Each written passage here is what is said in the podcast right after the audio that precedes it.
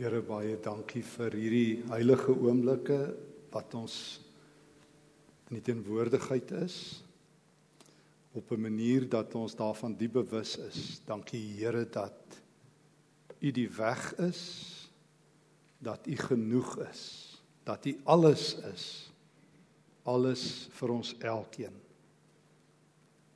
Dankie Here dat in die storms U die Here is wil U vanaand ook so met ons elkeen uit die woord uit uh, daaroor praat en dit ook heilige oomblikke verder maak in Jesus se naam. Amen. Ons staan stil by Lukas 14 vanaand as deel van ons reeks uh oor wat regoor Pretoria het Swane aan die gang is en vanaand laat uh, val die Here se woord die soeklig op uh Jesus se loop op die see Matteus 14 vanaf vers 22. Matteus 14 vers 22. Ek onthou toe ek op skool was het um, Neil Diamond 'n lied gehad wat op een van die plate wat ek nog gehad het, een van die vinyl plate, um, Walk on Water. En ek onthou 'n boek wat ek 'n paar jaar gelede gelees het met die titel If you want to walk on water, get out of the boat. Miskien sal dit vanaand sinvol wees om te sê if you want to be with Jesus, get back into the boat. So dis die tema waarby die Here se woord vir al vanaand val. Kom ons lees net dit met mekaar saam, maar Matteus 14 vanaf vers 22. Net daarna het Jesus sy disippels in die skei laat klim om so lank voor hom uit te vaar na die oorkant toe terwyl hy nog eers die mense huis toe laat gaan. Nadat hy die mense weggestuur het, het hy alleen na die berg toe gegaan om te bid. Toe dit aand word, was hy daar alleen. Die visserskei was reeds 'n paar kilometer van die kus af en is deur die golwe getuister want die wind was van vooraf. Met dagbreek die volgende oggend het hy op die see na hulle toe aangeloop gekom. Toe sê disippels hom op die water sien loop het hulle groot geskrik en gesê dit is 'n spook. Van angs het hulle hart begin skree. Maar Jesus het dadelik met hulle gepraat en gesê wees gerus, dis ek. Moenie bang wees nie. Toe sê Petrus vir hom: "Here, as dit regtig U is, beveel my om op die water na U toe te kom." "Kom," sê hy. Petrus het uit die skei geklim op die water begin loop en naby Jesus gekom. Maar toe Petrus sien hoe sterk is die wind, het hy bang geword en begin sink en uitgeroep: "Here, red my." Dadelik het Jesus sy hand uitgesteek om gegryp en vir hom gesê: "Klein gelowige, hoekom jy begin twyfel?" Hulle het toe in die skei geklim en die wind het gaan lê. Die manne in die boot het voor Jesus gekniel en gesê: "U is waarlik die seun van God. Die kerk het hierdie teks nog altyd dubbel gelees. O ja, dis 'n werklike wonderwerk. Jesus loop regtig op die water. Petrus ook, geen twyfel nie. Maar nog altyd het die kerk 'n diep geestelike betekenis in hierdie aangrypende teks gesien. Nog altyd was daar iets meer en dit is ook waarop die soeklig val hierdie een lewe waantoe Jesus ons uitnooi. En en miskien wil die soeklig val dat die Here ons ontmoet waar hy ons kry op die see al hoort ons nie daar nie. Miskien is dit die punt. Miskien miskien het ons dalk hierdie teks 'n bietjie verkeerd gelees en ek sê dit vir myself ook asof die punt is dat ons op water moet loop. Sê nou die punt is nie om op die water te loop nie. Sê nou die punt is om te weet waar Jesus is, waar hy ook al is. Dit breek aan hierdie episode speel af pas nadat Jesus een van sy reuse wonderwerke gedoen het. Hy het kos gegee vir 'n skare mense. Die mans alleen lees ons was oor die 5000. En Jesus het hierdie wonderwerk gedoen, sal julle in die teks sien, deur um 5 brode en 2 visse op te breek. Wat Matteus nie vir ons vertel nie, is dat dit nogal groot werk is om uh, genoeg brood te breek laat 5000 mans sit die vroue en die kinders by, ek weet nie hoeveel nie, 8-9000 mense brood kry. Dit is nogal 'n ding om vir 8000 mense brood te breek met jou hande. Ek vermoed Jesus was moeg. En dan sien ons in vers 22 dat hy van die mense afskeid neem. Dit is interessant die Griekse woord wat Matteus gebruik. Dit is uh dis 'n formele woord. Hy hy maak hy soos die Engelse sê hy kry closure. Dit was 'n geweldige wonderwerk. Jesus is oorweldig. Hy pas God se mense kos gegee. Stuur sy disippels weg en hy wil net net reflekteer en stil wees voor voor sy Vader. En ehm um, hy's alleen die berg op vers 23. Dit was dus vroeg aand.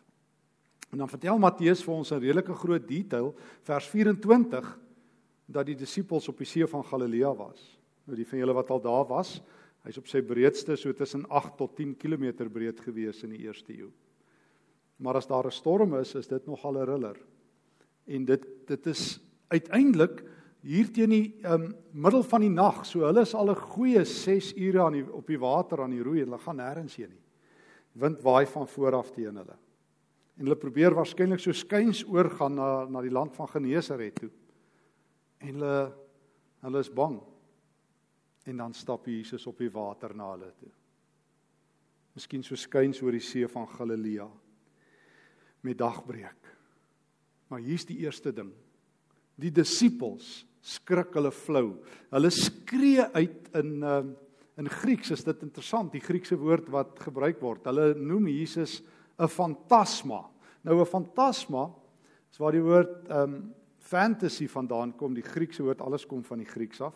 Sal die oom sê in die Big Fat Greek Wedding. Maar feit is 'n fantasma is is 'n soort spook, is 'n soort gees uit die onderwêreld. Nou jy moet een ding onthou, die mense in die eerste eeu toe Jesus op aarde was, het geglo dat ehm um, daar bly allerlei magte in die see ook.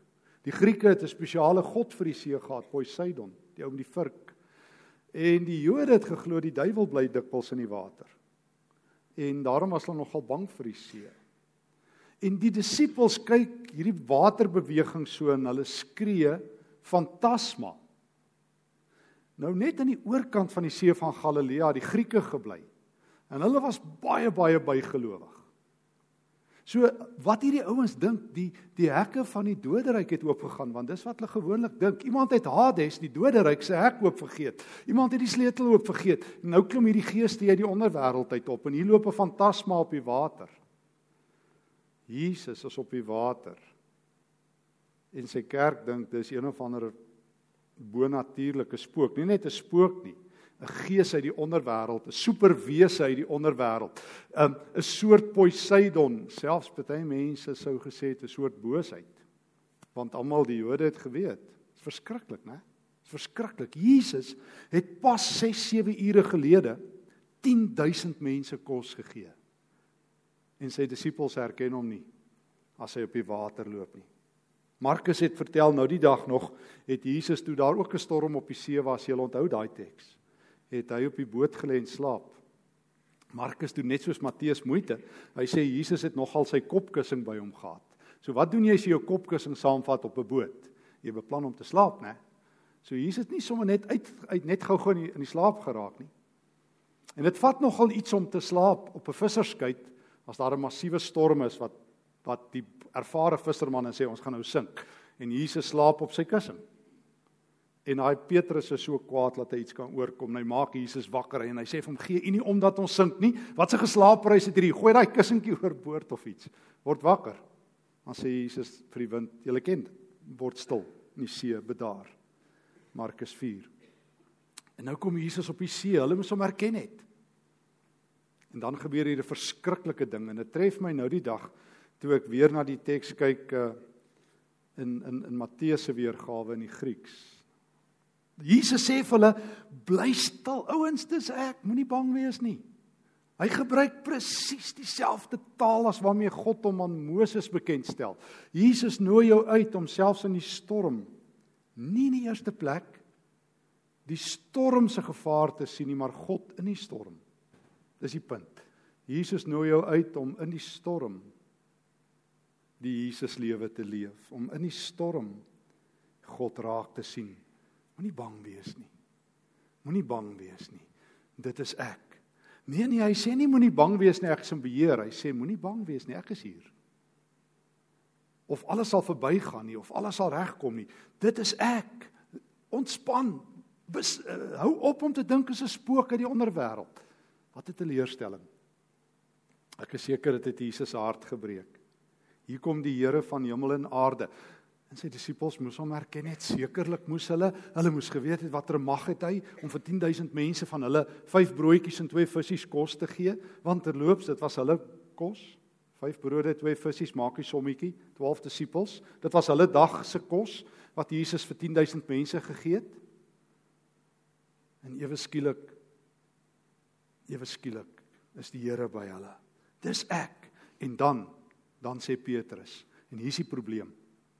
Julle onthou toe Jesus begin het met sy openbare optrede, het die duiwel opgedaag. Julle onthou daai drie versoekings wat die duiwel vir Jesus gehad het. Hier's die hier's die ding wat my bang maak. As jy die Grieks lees van Petrus hierso. Die woorde wat Petrus gebruik is identies grammaties tot die woord, dieselfde struktuur, dieselfde woorde as wat die duiwel gebruik. Die duiwel sê vir Jesus: "As jy die seun van God is, doen dit." Jy onthou. As jy die seun van God is, verander hierdie klippe in brood. As jy die seun van God is, spring van die tempel af. Petrus gebruik presies dieselfde woorde. As jy, as dit jy is, as dit jy is, beveel my om na jou toe te kom. Maar wat klink dit? Klink na versoeking. Klink nie na gelowige Petrus wat sê walk on water nie. Gaan 'n liedjie maak wat Neil Diamond kan sing of uh, get out of the boat and walk with Jesus nie. Hy's eintlik besig om Jesus te versoek.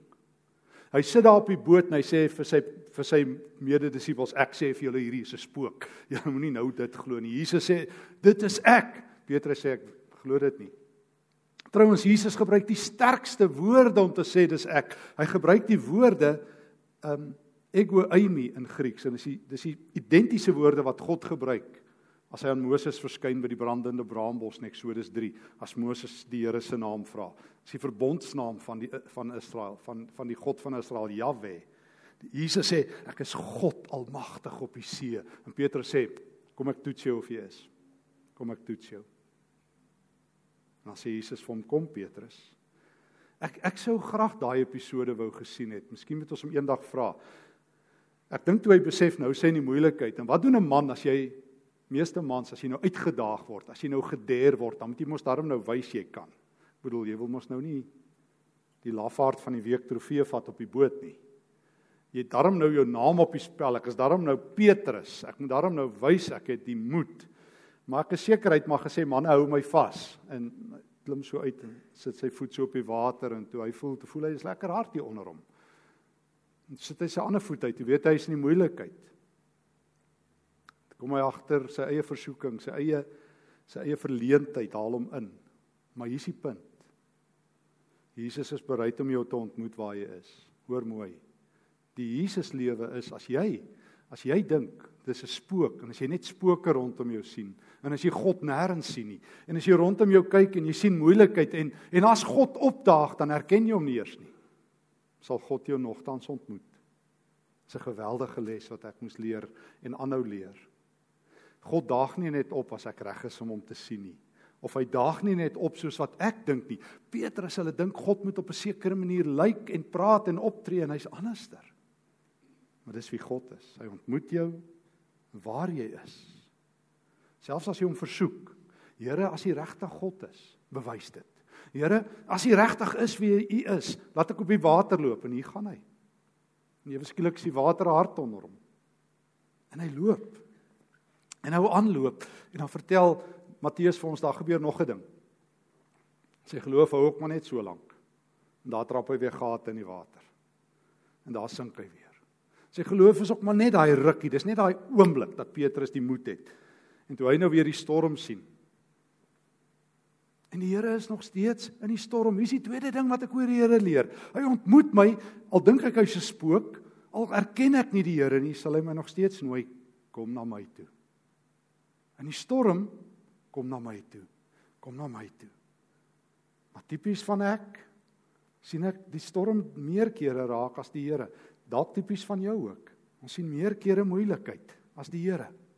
As dit anderster was, het die kerk ontplof en het almal geglo dat die bisies bewe en dit dan net wonderwerke gebeur. Die kerk is baie goed in moeilikheid erken. Jy het al agtergekom.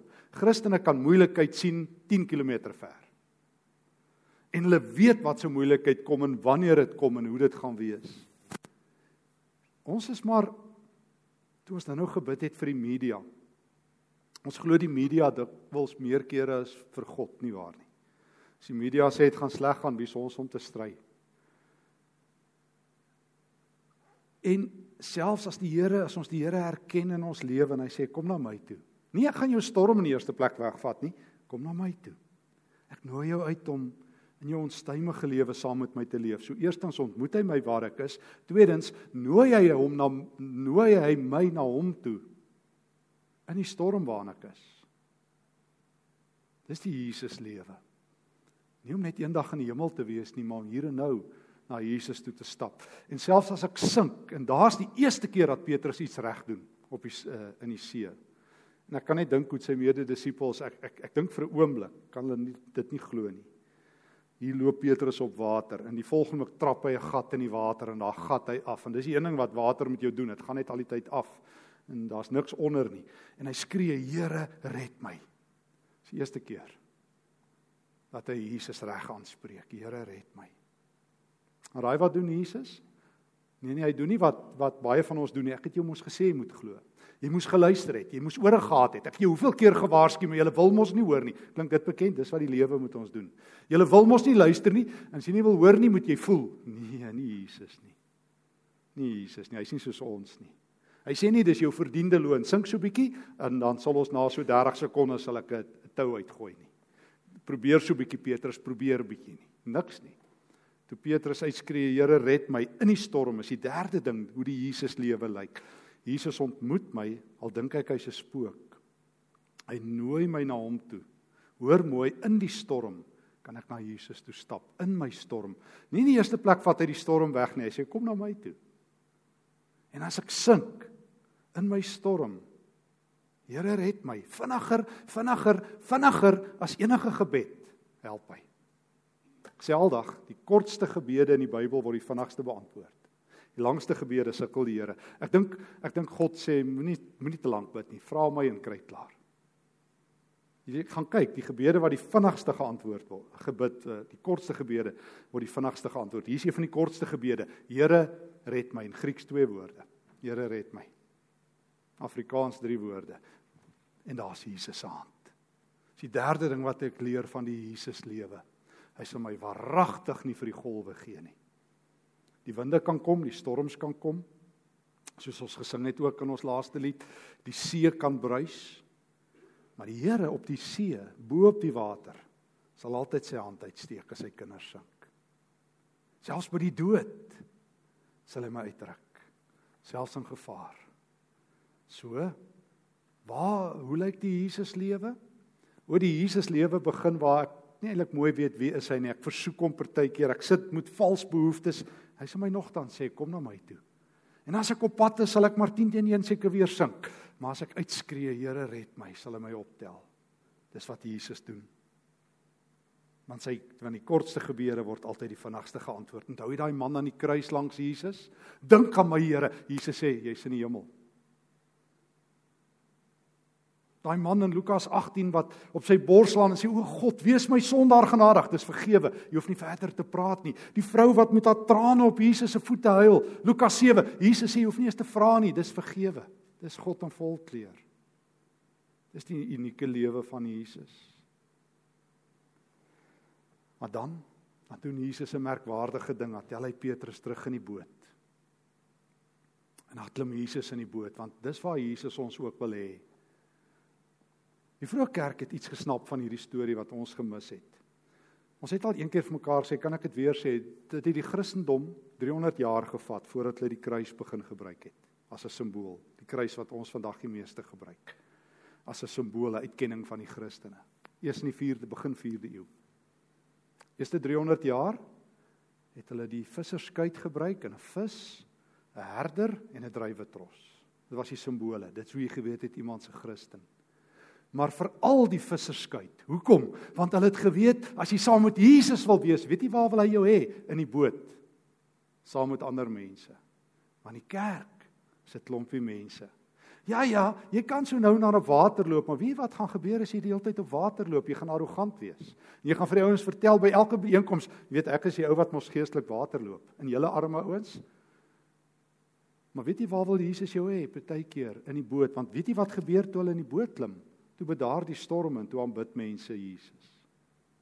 En daarom het die vroeë kerk gesê die beste plek om te wees is in die boot waar Jesus is saam met ander gelowiges. Die Jesus lewe leef ek nooit alleen nie. Ek is nie Lone Ranger nie. Ek is nie Rambo nie. Ek is nie besig om die wêreld op my eie te red nie. Ek is nie Liam Neeson nie. Ek is geroep om in die Here se wêreld saam met ander gelowiges te wees in 'n boot. Hier sit ons almal. Weet julle wat? Ons het mekaar nodig. Christene het mekaar nodig. Weet jy wat? Jesus het 'n skuit en hy het gewone ouens soos ek en jy. En en ek is seker daar's 'n plakker op daai boot, no perfect people allowed. Want ons het almal foute en ons het almal krake en ek is seker toe Petrus na daai boot klim, is hy pap nat en hy bewe. En en die ouens sê vir hom toe maar Petrus, ons sou dieselfde gedoen het. Jy het ten minste gewaag. Ons sou nie eens gewaag het nie. En hy voel veilig en Jesus sê jou klein gelowige, maar dis oukei. Okay.